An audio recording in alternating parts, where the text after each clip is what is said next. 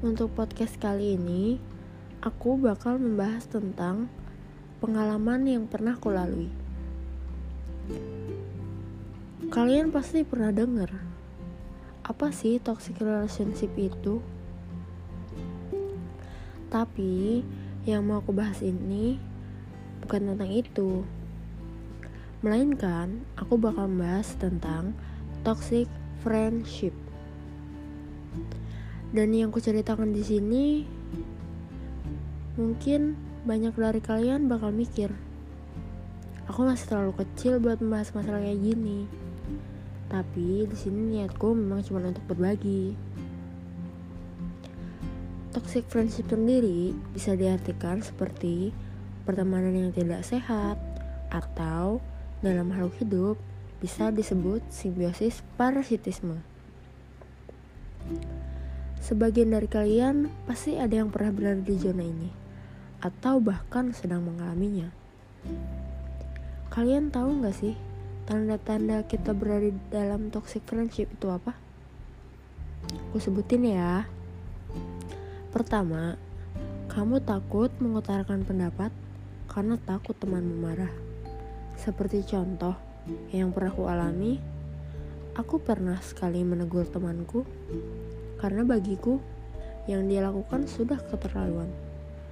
Dan kalian tahu tanggapan dia ke aku kayak gimana? Dia membentakku karena baginya aku terlalu mengatur-ngatur dia. Kedua, kamu lebih nyaman dan merasa bebas saat tidak bersama dia. Ketiga, diam-diam dia meniru semua tentang kamu. Sebagai contoh, kamu membeli barang, lalu tidak lama kemudian dia memiliki barang yang sama seperti kamu, bahkan bisa lebih. Ini diibaratkan seperti dia ingin merasa mampu atau merasa lebih daripada kamu.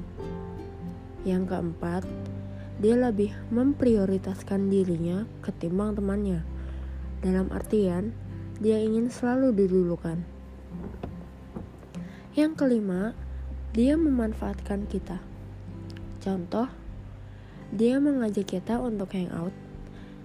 Tapi setelah kita mengiyakan, dia bilang, "Tapi jemput ya." Kita bahas ya. Pertama, yang ngajak dia.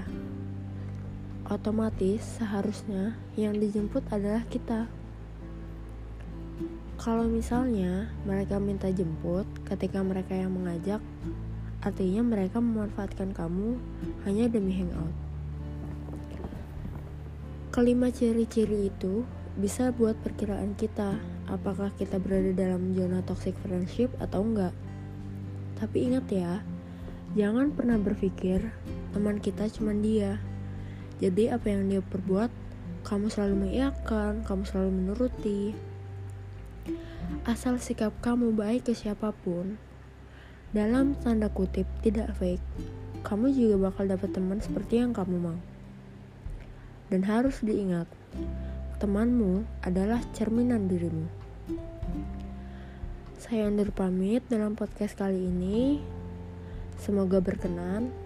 Sampai jumpa di podcast selanjutnya. Bye bye.